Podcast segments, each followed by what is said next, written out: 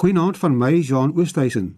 Baie welkom by die program uit 'n ander hoek waar ons vanuit 'n ander hoek na spiritualiteit en verwante sake kyk. Jy luister na ons op RSG 100 tot 104 FM en ook wêreldwyd op die internet by rsg.co.za. Vanaand gesels ons oor 'n sensitiewe onderwerp, naamlik kindermolestering of pedofilie. Hoe word die slagoffers daardeur geraak en hoe lyk 'n pedofiel? My twee gaste wat saam hieroor gesels, is die skrywer Christine Barkhuizen Leroux wat onlangs 'n roman hieroor geskryf het met die titel My naam is Prins, ek slaap met die lig aan nadat sy intensiewe navorsing oor die onderwerp gedoen het. En my ander gas saam met my in die ateljee hier in Kaapstad is die oud politikus Pierre-Jean Gerber wat in sy kinderdae self 'n slagoffer van kindermolestering was. Goeienaand Pierre-Jean, baie welkom saam met my hier in die ateljee in Kaapstad. Baie dankie John. En goeienaand aan jou Christine wat telefonies daar uit die Klein Karoo saamgesels. Baie welkom aan jou. Dankie Jan, dit is 'n groot voorreg. Christine, kom ek begin sommer by jou. Jou boek, My naam is Prins, ek slaap met die lig aan, het redelik onlangs verskyn en dit het wye reaksie uitgelok. Nou dit is 'n roman wat handel oor jong skoolseuns wat deur hulle koshuisvader seksueel misbruik word. En hoewel dit 'n roman is, berus jou navorsing vir die boek op werklike gevalle. Wat het jou laat besluit om 'n roman daaroor te skryf? Ja, ja, is met die verskyning van dis ek Anna van Elbe Lotter wat in Chintroski is, het ek baie gedink wat nou van seuns of seentjies, 'n mens hoor nie van hulle nie, daar word nie oor hulle geskryf nie, daar's bitter min oor hulle geskryf nog in Afrikaans. Sover ek weet, is daar net verwys daarna in Reek van Appels, deur maak weer. En ja, asof geweld teen kinders net geweld teen dogtertjies is, maar 'n paar jaar gelede het daar al hoe meer mediaberigte verskyn in die koerante en ook oor die televisie oor seuns wat misbruik word. Ek dink byvoorbeeld ook dit het nou verlede jaar November gebeur en ek moet so sê dit het my geruk uh, want dit het alles so bevestig dit is of die die persoon oor wie geskryf het of dit hy was dit was nie hy nie maar die Willem Breitenberg is deur Dion Hoyget ontmasker En ja, die Willem Breitenberg het ook skool gehou by die skool waar my kinders skool gaan het. So ek wou veral 'n stem gee aan seuns of mans wat as seuns misbruik is en ook nooit die moed gehad het om dit te vertel nie. Ja, dit is die rede hoekom ek voel dit ek moet oor hierdie vreeslike onderwerp skryf. Pierre Jean Christine sê sy wil graag 'n stem gee aan daai geslag kinders wat as kind gemolesteer is. Nou jy was self een van hulle en ek gaan later by jou verhaal uitkom. Maar waarom dink jy is dit nodig dat mense oor hierdie sensitiewe onderwerp praat of daaroor skryf? En hoekom moet mense dit hoor? Is daar nie aangenaamer goed om oor te praat nie? Ek dink dit is baie belangrik dat daaroor geskryf word want die normale wat jy van weet basies seksuele oortredings met meisietjies, maar as dit by seuns kom, is dit is dit iets wat mense nie eintlik wil praat nie vir donker jare nie al nie. En nou eers met die wet wat verander is, kom van hierdie oortredings na vore. Die goed vir die jaar nie meer na 20 jaar nie en dis horribaal die verhale wat uitkom en daar's soveel van hierdie jong mans en vandag nou al in die 40s en 50s is wat loop met met oop wonde en wat glad nie berading kry nie. Dit is eintlik baie tragies. Christine, miskien moet jy net vir die luisteraars so 'n uh, kort en 'n nette dop idee gee wat jou navorsing behels het. Ek weet jy het met slagoffers selfs gesels, maar ook met mense wat die slagoffers sielkundig beraad en bygestaan het en een van hulle is dokter Pieter Adriansens, 'n kindersielkundige of 'n kinderjeugpsigiater wat gewerk het met kinders wat deur die Rooms-Katolieke Kerk gemolesteer is. Vertel ons 'n bietjie meer van hom en van jou navorsing. Ja, ek het van hom te hore gekom en ek was so gelukkig om 'n afspraak met hom te kry in Antwerpe. Hy het destyds vanaf 2010 toe die groot skandaal aan die lig gekom het van die priesters wat seuns misbruik het, het hy met van die meer as 800 mans wat na vore gekom het, gewerk, intensief met hulle gewerk.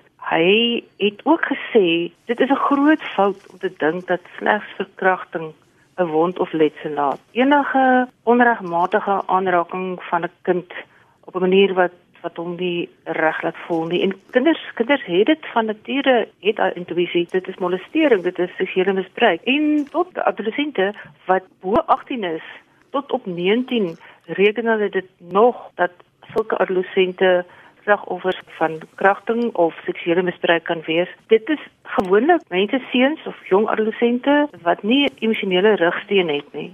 Peter Adrianus het gewerk met die jong seuns was of adolessente wat in daardie jare, dit was dan al 80, soveel jaar gelede gemolesteer is deur priesters. Ja, dit is 'n ongelooflike werk wat hy gedoen het en hy het ook vir my 'n leer gegee met inligting oor pedofilie en wat die invloed daarvan is op sulke persone. Ek kon sien dat dit vir hom persoonlik baie geraak het.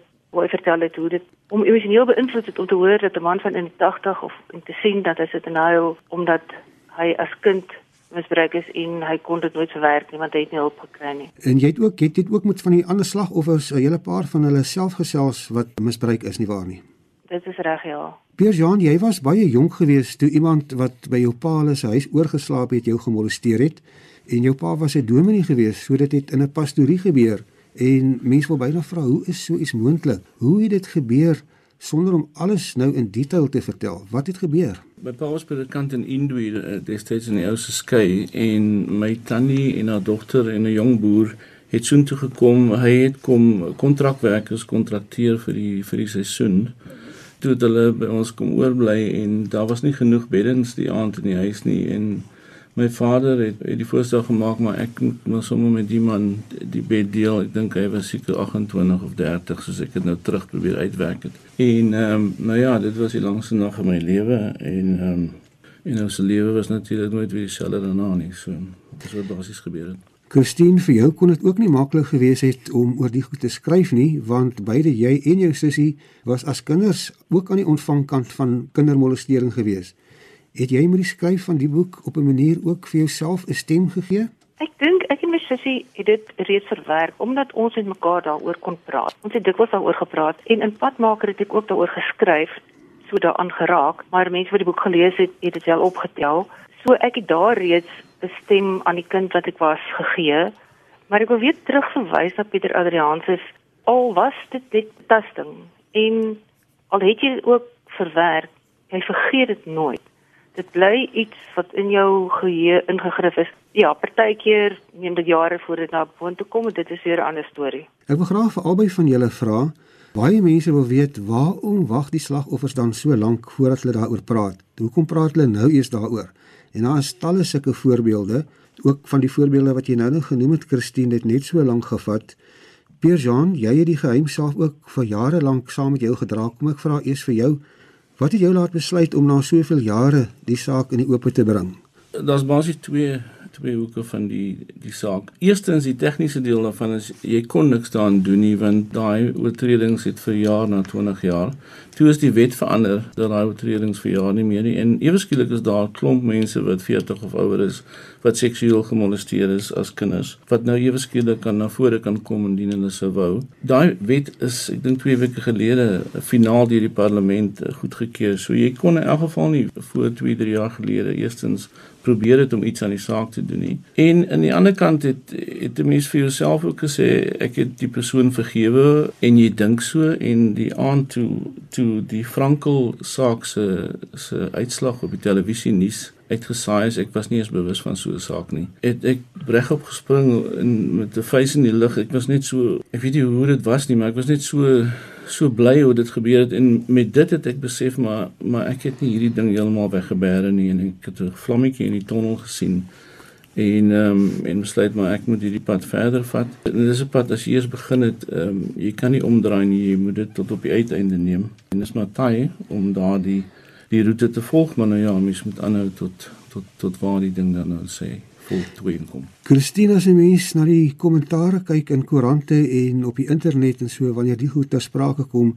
dan loop daardie vraag soos 'n refrein van van alle mense se kant af en hulle wil almal weet nou maar hoekom het die slagoffers dan so lank gewag en hoekom het hulle nie eerder gepraat nie? Ja, dit kan ek nou beantwoord uit die aard van die navorsing wat ek gedoen het. Aan die een kant is daar posttraumatiese stres wat kan veroorsaak dat mense goed kan verdring En dit kan jare neem dat hulle dit nie daaraan dink nie of dink hulle het dit vergeet of bou en dink o, ek het dit vergeet.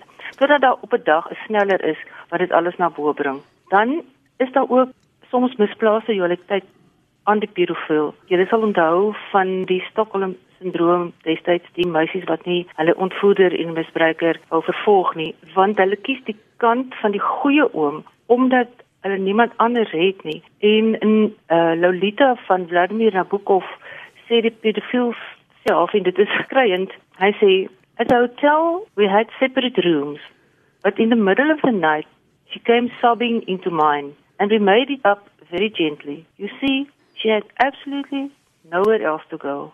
Ja, dit is verskriklik dat dit so kan wees, maar dit gebeur wel. Dan is daar skaamte, veral as dit seuns is wat 'n man geword het. Bang mense sal sê hy was swak of hy is gay of hy het saamgespeel en bang vir wat hulle ouers sal sê. Vrees vir die pedofiel miskien vandag aan 'n man kan doen wat daarmee uitkom. Iemand wat dalk 'n hoë status het en sulke mense is magtig, 'n mens moet dit nie onderskat nie, want eintlik gaan pedofilie nie om seks nie, dit gaan absoluut om mag. Die vrees is ook, ook daar vir die pedofiel dat sy vrou en kinders dit sal agterkom en om verwerp. Vrees vir verwerping is baie groot. Ek dink byvoorbeeld ook ek weet van 'n slagoffer wat uiteindelik na baie baie jare vir sy vrou en dogter vertel het dat hy as kind gemolesteer is en hy mag nie sy kleinkinders vashou of ja na eintlik naby hulle kom nie omdat hy wantrou word. So hy is nie net 'n dan 'n slagoffer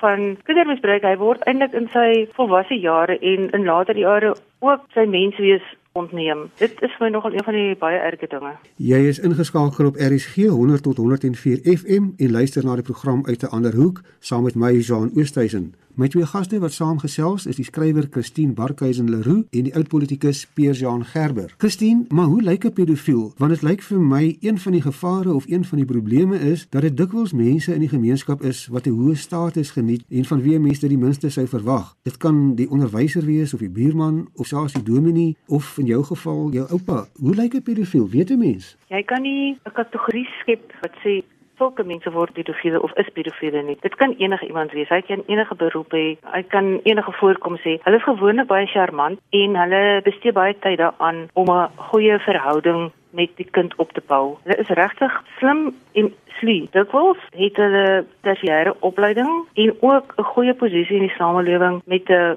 goeie betrekking wat staat is aan hulle verleen. Hulle maak ook dit wil vriende met met 'n kind se ouers om so by die kind uit te kom. En dan is hulle nogal gestel op reëls en regulasies en hulle sal die eerstes wees wat hulle in die openbaar uitspreek teen iets soos pedofilie as die onderwerp ter sprake kom. Ja, so dit dit kan eintlik regtig enige iemand wees, maar daar is 'n paar punte waaraan jy kan gaan kyk. Kyk of jou kinders bevriend word deur iemand wat oorvriendelik is. Dis beter om oorversigtig te wees. Pierre Jean is altyd maklik om terugskouend na 'n saak te kyk en hulle sê mense is ook altyd baie slim wanneer jy eers hindsight het. As jy nou terugdink aan wat met jou gebeur het, sou jy dalk vroeër na vore gekom het met die verhaal of dink jy dit het maar op die regte tyd gebeur en dat jy maar nou eers gereed was om daaroor te praat? En wat is jou raad aan die mense met wie dit vandag gebeur? Ek sou nie as die wet nie verander het, sou ek nie dit verder gevat het of uitgebring het nie. Ek het dit vir een of twee mense mee gedeel, maar ek was redelik magteloos en ek kon niks aan doen nie en ek het ek het tot 'n mate vrede daarmee gemaak. Maar ek dink as daar mense daar buite is slagoffers wat wat nog met dit rondloop en dit wil uitbring, dan sal ek dit regtig aanbeveel want jy moet ook weet dit gaan nie maklik wees nie. Jy gaan gekruisig word en jy gaan kaal uitgetrek word en dis 'n moeilike pad. Ek in my geval byvoorbeeld, ek het gisteraand die goed gaan uitwerk die tydlyn is 'n kwessie van 3 jaar van ek besluit het om dit te doen. Ek was by die provinsiale vervolgingsgesag en toe moes ek appeleer nasionale een toe. En op 'n of ander dag weet hulle vir my gesê maar die persoon is te oud en sy woord teen jou woord. Nou kom iemand 40 jaar na hy tyd. Nou sulke goed uit sy duimheid sal sy vir die vader alleen maar op die einde van die dag wat die ironie eintlik van die hele aangeleentheid as jy mens kyk na die die vorige gevalle wat prominent was in Suid-Afrika met betrekking tot die kerk en veral die NG Kerk. Was die NG Kerk het vir my baie gehelp met hierdie aangeleentheid want hulle was bereid nadat ek verklaringe gekry het by ander slagoffers. En hierdie slagoffers wou nie vir my verklaringe gee indien hulle sou moes hof toe gaan nie want hulle het nie kans gesien daarvoor nie. Wat met hulle gebeur het uh, van dieselfde pedofiel was baie erger as my maar hulle was bereid om vir die kerk verklaringe te gee. En op op grond daarvan het die NG Kerk besluit om die saak te ondersoek en dit het eintlik die hele ding vir ons baie meer gehelp en op die einde van die dag dit op die lappe gebring. So dit het hulle my baie gehelp. Ek is baie dankbaar daarvoor. Dink jy uh, Piers Janus mens hoe meer mense hieroor praat, hoe meer sal dit ook moed vir ander slagoffers gee om daaroor te praat want dan sien hulle mense hoef dit nie weg te steek nie. Dis goed om daaroor te praat. Ek dink so want joh, 'n mens is maar jy is maar bang, maar wat nou met my byvoorbeeld gebeur het na die ding uitgekom het, het daar van hierdie pedofiel byvoorbeeld mense my gebel slagoffers wat wat hulle eie eggenote en familie weet nie eens daarvan nie, so ver soos hulle dit al weggesteek het. En daar het ander slagoffers van ander pedofiele my ook gebel en kontak mee gemaak en net die feit dat hulle hulle storie vir my kon vertel was vir hulle al klaar net Dit was net so lekker om te weet hier is iemand wat wat in dieselfde bootjie is en wat wat hulle hulle hart kan uitpraat en daar's regtig 'n groot behoefte. Ek het al met baie van hulle gepraat en as mense my wil kontak, is hulle baie welkom. Want die sosiale netwerke wat ingaan om hier om slagoffers van pedofiele te help, is konsentreer baie op jou jonger mense. Ek vind daar's 'n leemte dat hulle nie konsentreer of ook aandag gee aan mans wat nou al in hulle 40's is of ouer is nie, want dit is regtig daar's 'n groot gaping. Christine Pierre-Jean het nou verwys na die kerk en uh, dit lyk vir my hy het daarmee ervaring gehad waar hulle hom gehelp en bygestaan het, maar iemand het iewers gesê dat pedofiele en kindermolesteerders skryf graag weg in die wye mantel van die kerk. Kan nie nou onthou presies wie dit was nie. Is dit so en wat dink jy word daarmee bedoel? Waarom is daar mense wat die kerk eintlik gebruik om agterweg te kruip, ook as ons na die Katolieke kerk kyk? Ek het met Colm McGorman, die eerste skrywer van Beyond Belief, 'n onderhoud gehad in Dublin. En dit is gegrond op sy verhaal, dit is 'n ware verhaal. En het hom gevra, "Maar vertel vir my, hoe werk die priesters?"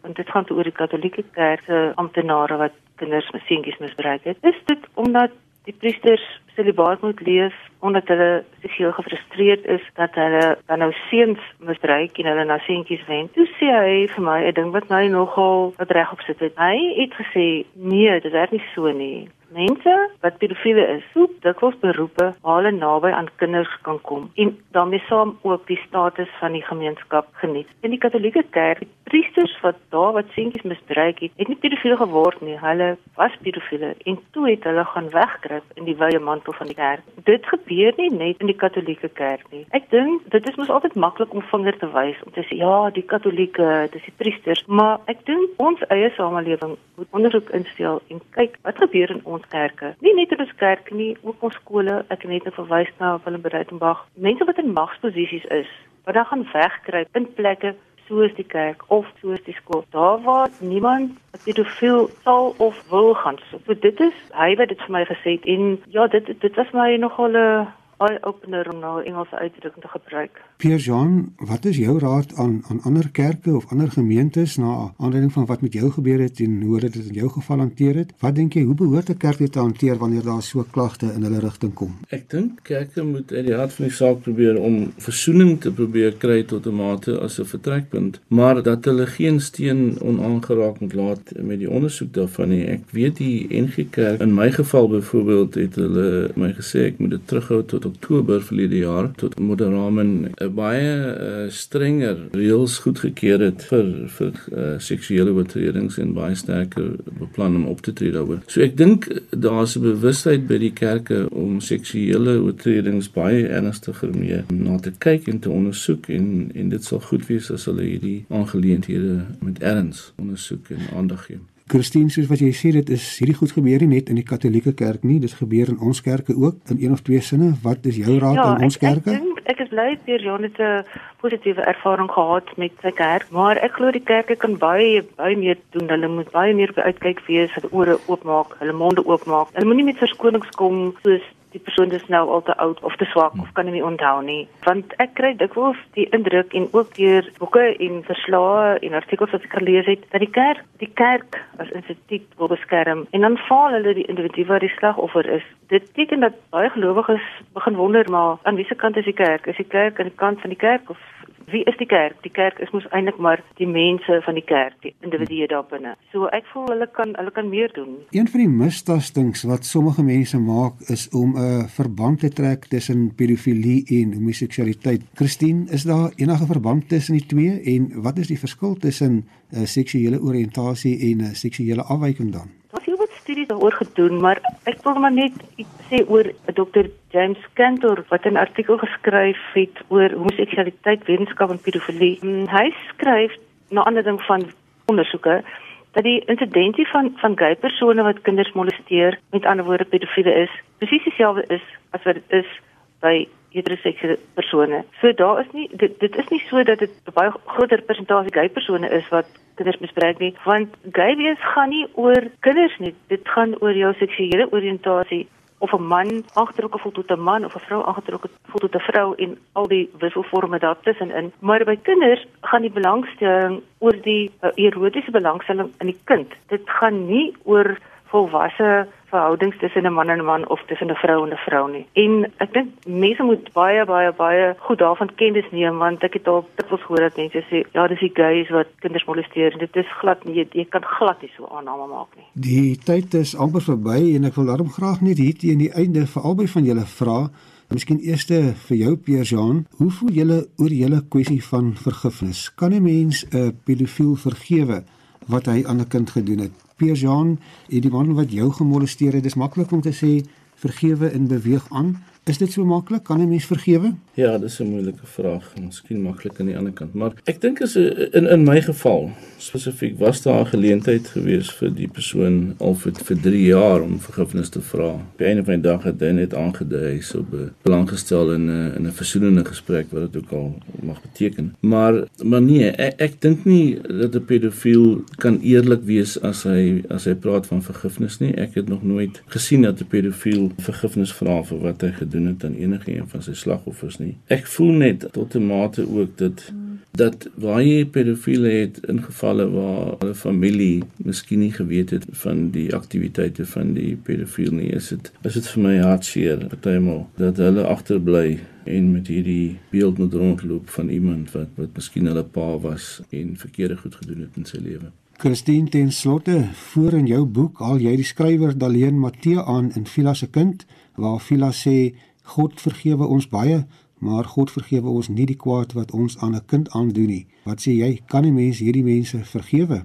Ek voel ek kan nie 'n slagoffer kwaadlik neem wat sê ek kan nie vergewe nie. Maar dit het baie te doen daarmee of die pedofiel op vergifnis vra, want dit is gewoonlik al wat die slagoffer eintlik regtig wil hê. Hy wil net erkenning hê dat dat die persoon sê ja, ek is jammer, ek het jou molesteer. Die kerk gebruik dikwels die einste vergifnis beginsel om te sê broer, ja, maar die man is nou oud en ons moet mekaar vergewe. So hulle gebruik dit as 'n Afrikaanse liewer aanvat om daai persoon die slagoffer te dwing om te vergewe sonder dat die ander een al eens vergifnis gevra het. Maar ek wil graag iets ten slotte sê wat vir my baie belangrik is oor die insidente van kinders wat misbruik word.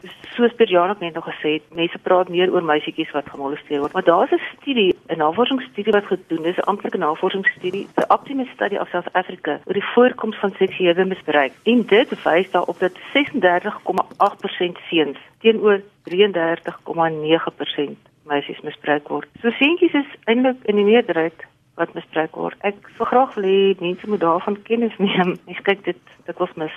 Pierre, jy wou 'n laaste woord ingekry het? Ek het met een van die slagoffers gepraat einde verlede jaar wat baie erger as ek gemolesteer is deur dieselfde persoon en ek het vir hom genoem dat daar 'n moontlikheid is van 'n versoeningsgesprek of 'n vergifnis of wat ook al. Die reaksie van hierdie persoon was net so erg geweest dat hy was verskriklik verontwaardig geweest dat ek dit enigsins sou kon oorweeg. Dieselfde maand het ek Christine se boek Prins daar in Gansbaai in 'n boekwinkel koop en begin lees. Na ek dit gelees het, het ek net besef dat indien 'n mens enigsins daai persoon sou vergewe of versoening gesprekke wat ek al dan sou jy soveel van sy slagoffers koning Engels woord gedrop het en dit het my eintlik gemotiveer om om dit eintlik te vat tot op die einde. Hiermee moet ons ongelukkig halt roep. Ons tyd is verstreke. Baie baie dankie aan my twee gaste, die skrywer Christine Barkhuizen Leroux en die oud-politikus Pierre Jean Gerber vir julle deelname vanaand oor 'n baie moeilike en sensitiewe onderwerp en dat julle bereid was om eerlik daaroor te gesels. My naam is Jean Oosthuizen en jy het geluister na die program uit 'n ander hoek. As jy jou mening wil gee, stuur vir my 'n SMS na 45889. Dit kos jou R1.50 vir elke SMS of gaan like ons Facebookblad uit 'n ander hoek waar ek ook julle SMS kommentaar sal plaas. My e-posadres is jean@oosthuizen.gmail.com of jy kan my ook op Twitter volg by Jean Oost. Hierdie program en al die vorige programme kan ook as 'n potgooi afgelaai word op RSG se webwerf by rsg.co.za. Van my Jean Oosthuizen baie dankie dat jy saam met ons gekuier het. Ek groet tot volgende week dieselfde tyd en dieselfde plek weer net hier op RSG.